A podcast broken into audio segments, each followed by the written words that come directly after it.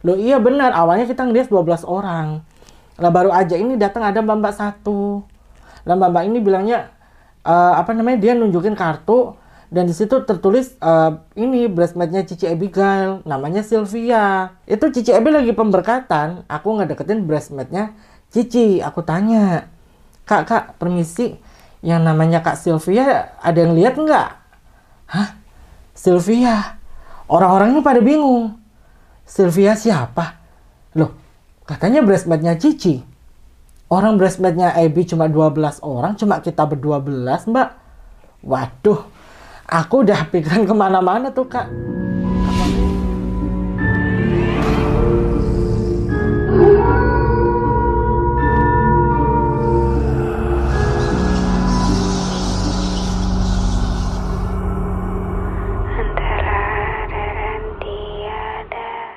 Halo masyarakat adat, with me Gusti Gina di adat antara ada dan tiada. Hari ini kita kedatangan sama emak yang udah jauh-jauh dari Surabaya. Sebelumnya emak ini sudah ada bercerita. Nah kali ini kita todong lagi buat cerita. Aduh, terima kasih nih Kak Gina. Emak kan punya banyak cerita. Iya.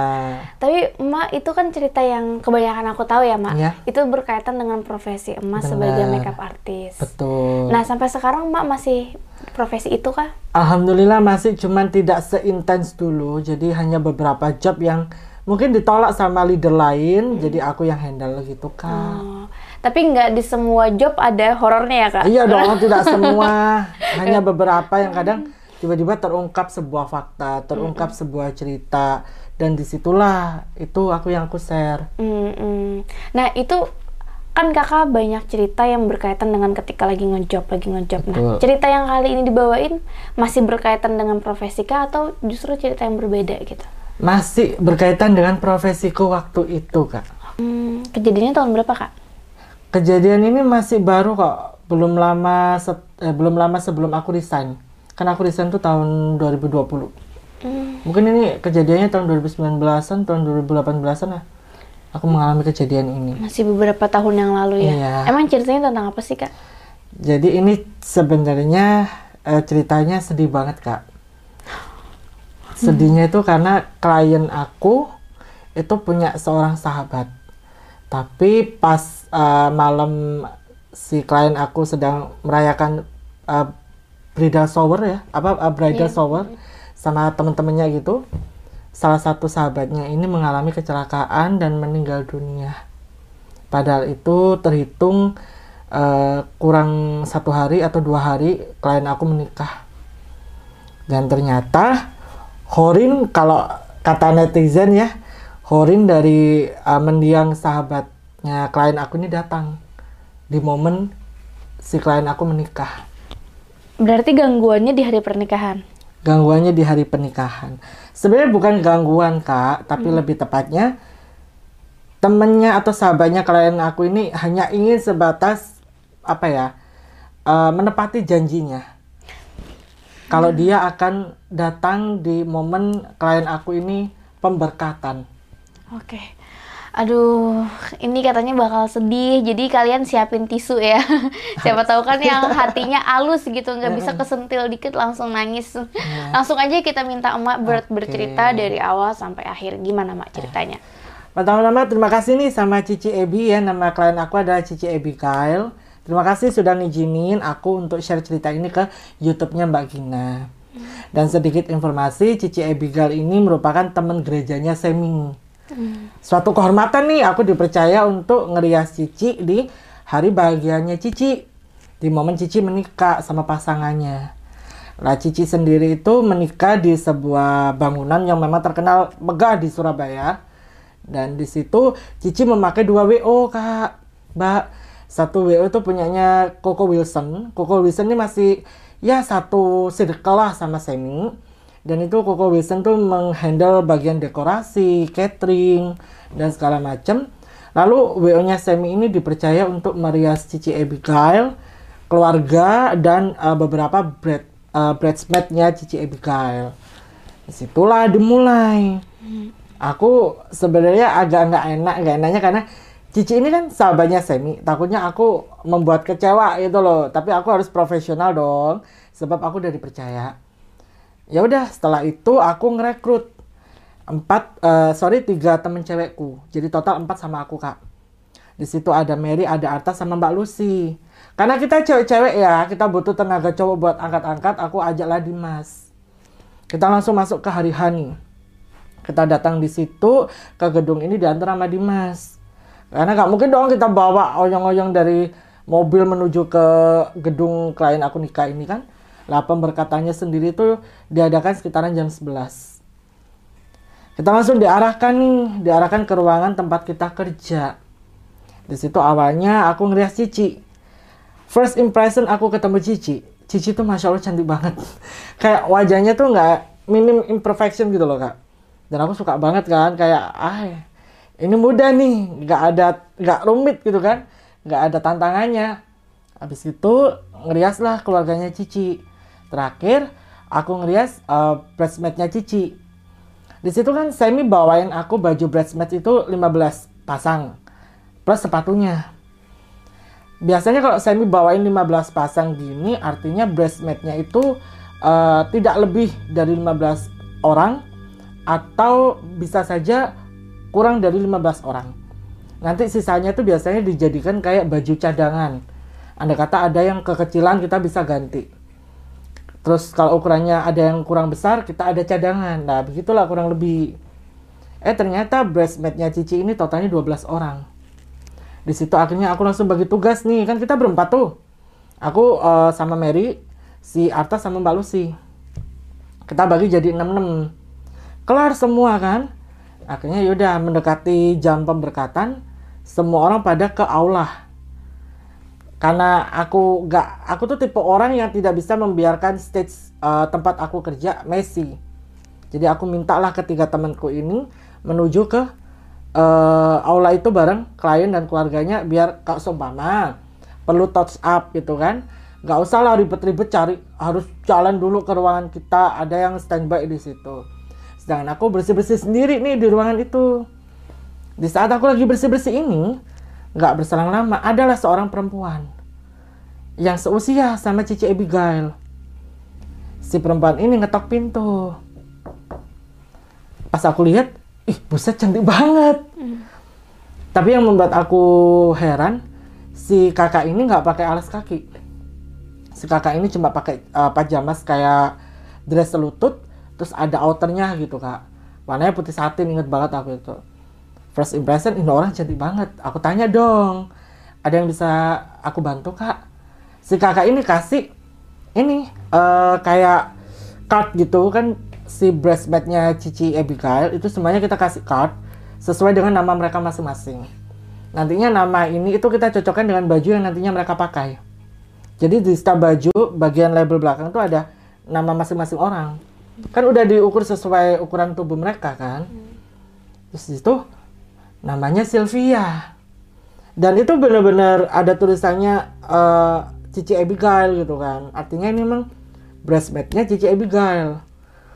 Tapi kok di baju yang tersisa kan tinggal tiga tuh yang hmm. tersisa nggak ada yang namanya Sylvia.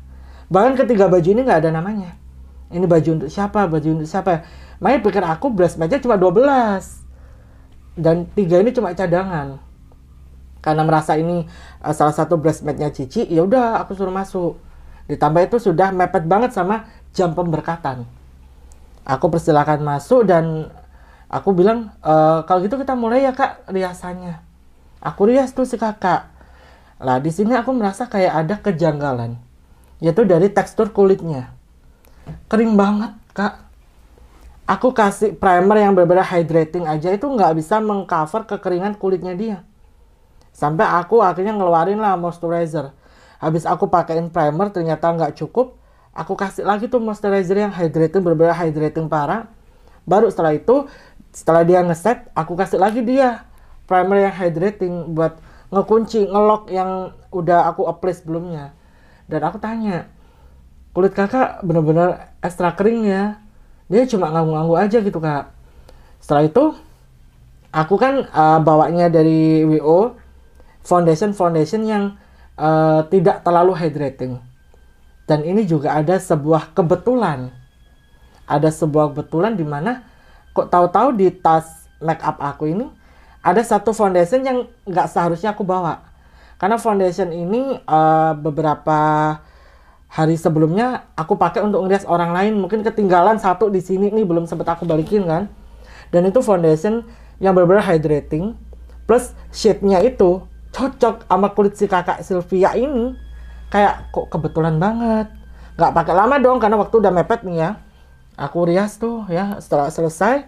Pas aku lagi pakein alis nih ya kak ya. Itu kan uh, ketika aku lagi gambar alis itu kan posisi mohon maaf hidung aku kan deket tuh sama si mulutnya ini kan.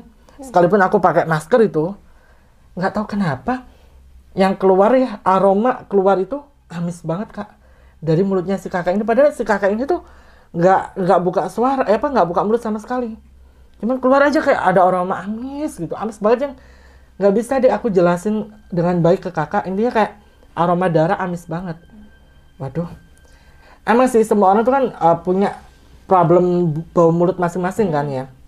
Aku tetap selesaiin tuh. Habis itu uh, aku tanya kak ini kan tiga baju nggak ada nih yang tertulis namanya Sylvia. Kakak kira-kira mau pakai baju yang mana dan yang aku sadari kak di antara tiga baju ini ada satu baju yang kayaknya beda banget deh. Sebab di baju ini, di bagian dada sebelah kirinya tuh ada bros butterfly kupu-kupu perpaduan antara warna peach sama baby pink. Yang lain nggak ada. Meskipun 12 breast match sebelumnya udah aku lihat tuh nggak ada kak. Cuma baju ini doang. Yang ada bros kupu-kupu di sebelah sininya. Sebelum aku menawarkan baju itu, si kakak bernama kakak Sylvia ini tanya gini, boleh nggak sih mbak aku pakai baju yang itu? Ya boleh dong, ya toh orang breastmatnya Cici masa nggak aku bolehin? Toh Cici ngejahit baju ini juga untuk breastmatnya. Entah kenapa nggak ada namanya itu tadi doang yang bikin aku penasaran. Aku pakein pas dong kak. Pas pas sesuai dengan tubuhnya si kakak Sylvia. Mungkin karena memang uh, tubuhnya ini sangat uh, ini ya proporsional gitu bagus sepatu yang aku pasangkan dengan baju ini pun juga cocok. Kayak seolah-olah ya ukuran si kakak ini. Setelah itu, pas waktu kakak ini mau keluar kan, mau apa namanya, aku minta langsung ke aula, itu aku kasih permen. Takutnya nanti bau mulutnya itu jadi uh, apa ya kayak bulian atau apa gitu kan. Aku cuma kak ini ada permen, mungkin bisa dimakan sambil nunggu uh, jam makan tiba, aku bilang gitu makasih ya. Terus aku juga kasih tahu, nanti kalau perlu apa-apa, di sana ada tim aku kak. Mungkin kakak perlu touch up lipstick, bedah atau apa. Di sana udah ada yang standby karena saya harus bersihin ini dulu, apa ruangan aku dulu gitu. Iya makasih, dia ini jalan. Keluar tuh ninggalin aku sendirian. Baju yang tadi dipakai sama kakak Sylvia ini aku gantung. Terus aku lanjut bersih-bersih. HP aku kan aku taruh di meja tuh kak. Bunyi HP ku Aku cek, oh Semi telepon, ada apa nih? Aku angkat. Kenapa Sam? Nih aku lagi beres-beres. Semi bilang, Des, uh, sisa tiga baju yang nggak kepake itu, kamu lipet lagi ya di koper. Kan kamu udah aku kasih tunjuk caranya lipet uh, baju tuh gimana. Kata Ebi, itu nanti uh, baju bisa kita pakai untuk kita display. Barangkali nanti ada orang yang uh, pesan baju breastmat modelannya kayak gini. Kita ada display nih Des, lumayan. Si Ebi bilang, uh, apa namanya baju itu udah nggak dia butuhin. Ditambah tadi si Sam ini hubungin Arta katanya breastmatnya cuma 12 di situ aku bantah. Enggak orang breastmatnya 13 kok aku bilang gitu. Hah? 13 gimana? Orang Arta itu bilang breastmatnya 12 loh iya benar awalnya kita ngeliat 12 orang. Lah baru aja ini datang ada mbak-mbak satu. Lah mbak-mbak ini bilangnya uh, apa namanya dia nunjukin kartu dan di situ tertulis uh, ini breastmatnya Cici Abigail namanya Sylvia. Ya aku rias dong. Lah Des coba deh. Kamu cari itu kakak kamu pastikan itu benar-benar breastmatnya e apa Ebi apa bukan gitu. Karena Ebi itu Des ya itu cuma daftarin breastmatnya tuh 12 aku bawakan 15 tuh karena tiganya tuh untuk cadangan Des. Bilang gitu si Semi. Kaget dong aku. Lah yang benar kok dia bisa dapat cardnya breastmatnya Cici Ebi.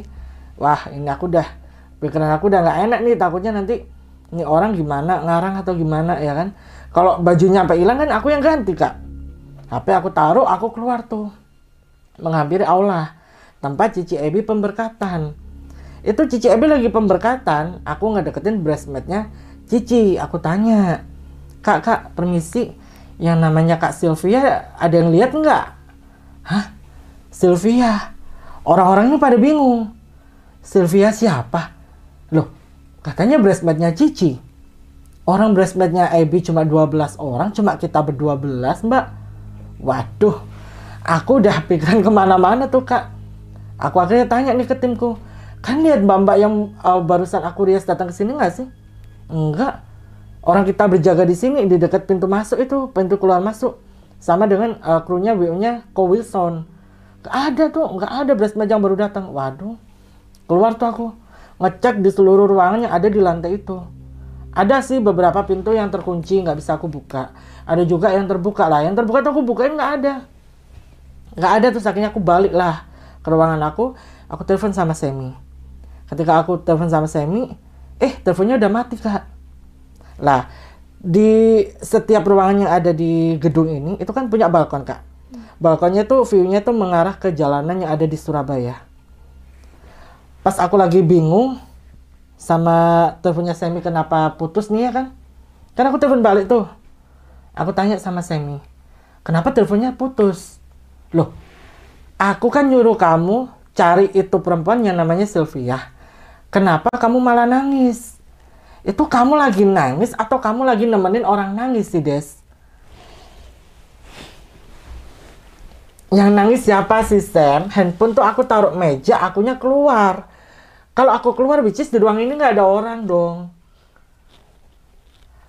Plus yang aku sadari adalah baju yang harusnya tadi dikenakan sama kakak bernama Sylvia itu sudah tergeletak di lantai. Plus sepatunya. Terus bajunya kakak si, Sylvia, apa si Sylvia tadi yang digantung, yang aku gantung itu udah nggak ada. Lah, kan aku lagi tipen-tipenan gini nih sama Sam, menghadap ke cermin. Cermin ini memantulkan uh, apa yang ada di belakang aku which is tuh balkon. Pintu balkon tuh udah kebuka kak.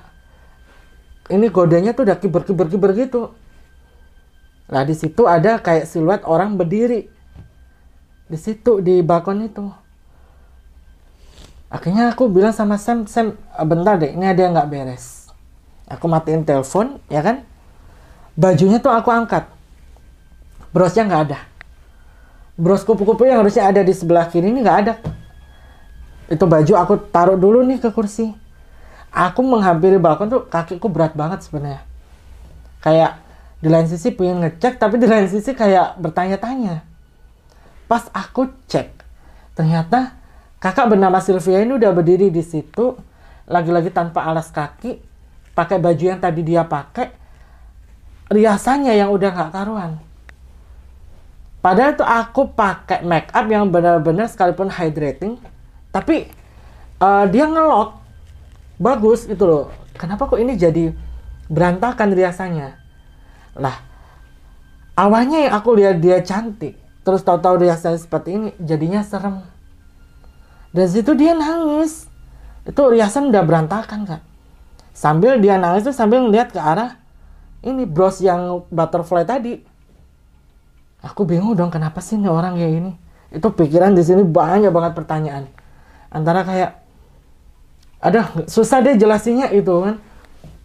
Si uh, kakak bernama kakak Sylvia ini bilang gini e, titip dong kasih ini ke Ebi bilang dari saya. Ketika aku lagi ngobrol-ngobrol gini aku dengar suara Cici Abigail manggil aku dari luar luar pintu pintu lorong itu aku ngilu gini oh ada Cici uh, Mbak Desi ada apa ya? Bisa ke sini bentar nggak? Uh, iya bentar Ci, aku bilang gitu. Pas aku mau ngomong nih ke si mbak bernama Sylvia itu, mau ngomong kayak gini, mbak tunggu bentar ya aku mau ngambilin Cici. Eh, udah nggak ada dong. Di depan aku udah nggak ada siapa-siapa. Si kakak Sylvia pergi ke mana juga aku nggak tahu dong. Masa dia lompat kan nggak mungkin. Metong dong dia kalau dia lompat sedangkan bros itu aku pegang nggak tahu gimana pas aku pegang tuh rasanya kayak tenang gitu kayak enak banget kayak adem Sampai lamunanku tuh dibuyarkan sama suara Cici Ebi. Nyamperin dong aku. Kenapa Ci? Tadi saya dengar dari teman-teman katanya Mbak Desi cari ini ya, cari Sylvia. Iya, saya cari Kak Sylvia.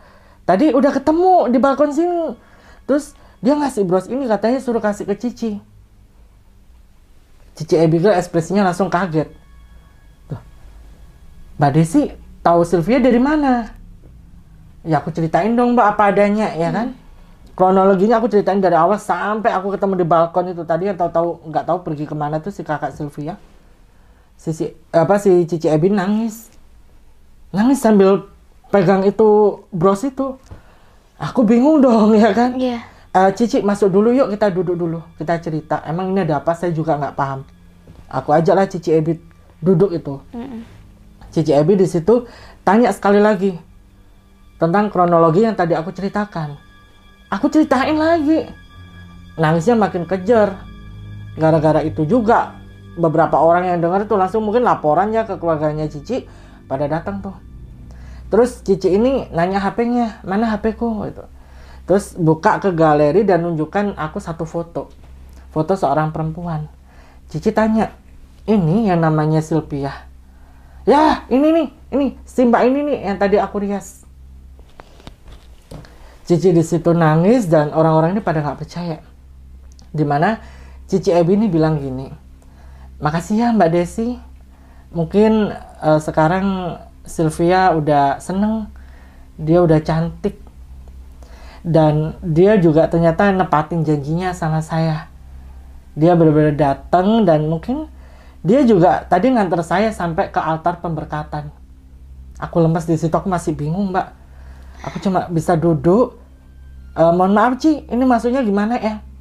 Di situlah Cici Ebi cerita. Kalau Cici Ebi ini punya sahabat yang bisa dikatakan eh, paling klop di antara sahabat-sahabat yang lain. Dan itu bernama Kak Sylvia. Beberapa hari yang lalu, Cici ini mengadakan bridal shower bersama dengan teman-temannya di Malang. Hadirlah ini si kakak Sylvia bersama dengan bridesmaid dua lainnya menggunakan transportasi mobil.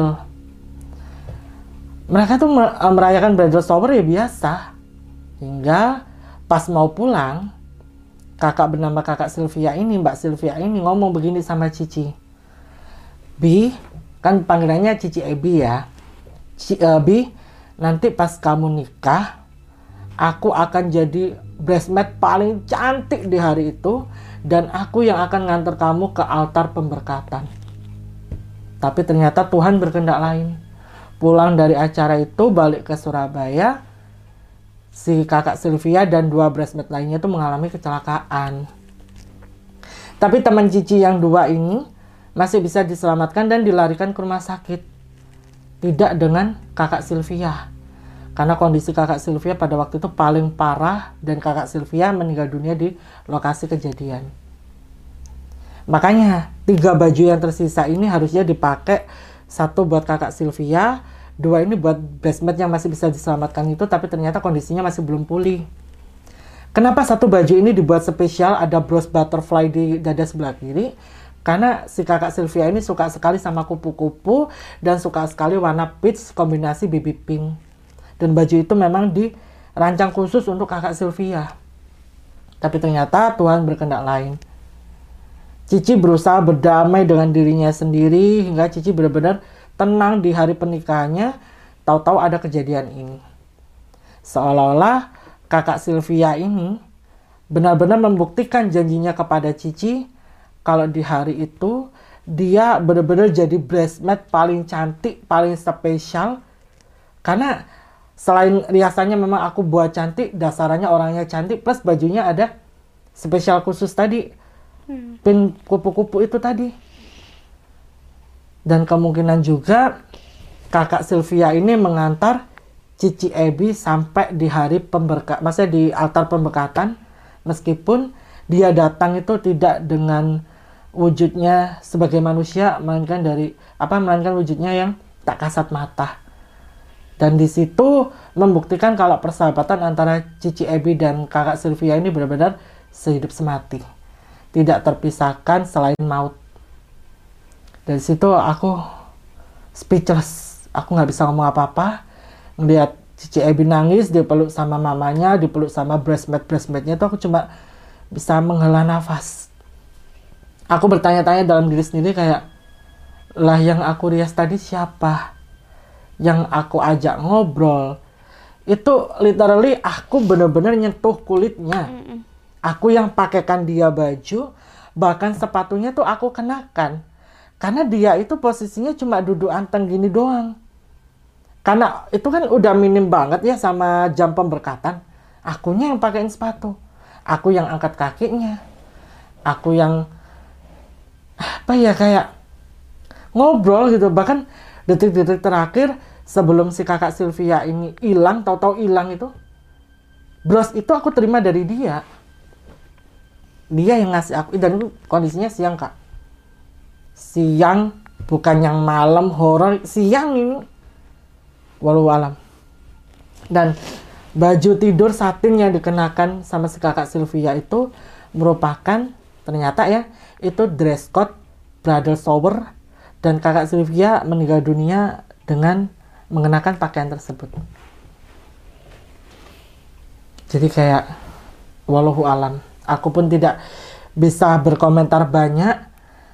Yang jelas dari cerita ini ada satu ada satu fakta yang aku dapatkan bahwa persahabatan itu kalau memang benar-benar uh, apa ya dua sosok yang terjalin dengan erat saling mengerti saling memahami kondisi satu sama lain hingga mereka memutuskan untuk menjadi sahabat dan persahabatan itu tidak akan pernah bisa lekang oleh waktu. Persahabatan itu tidak akan pernah terpecahkan oleh apa pun dan dari persahabatan Cici sama si kakak Sylvia ini juga membuktikan kalau hanya maut yang bisa memisahkan mereka berdua.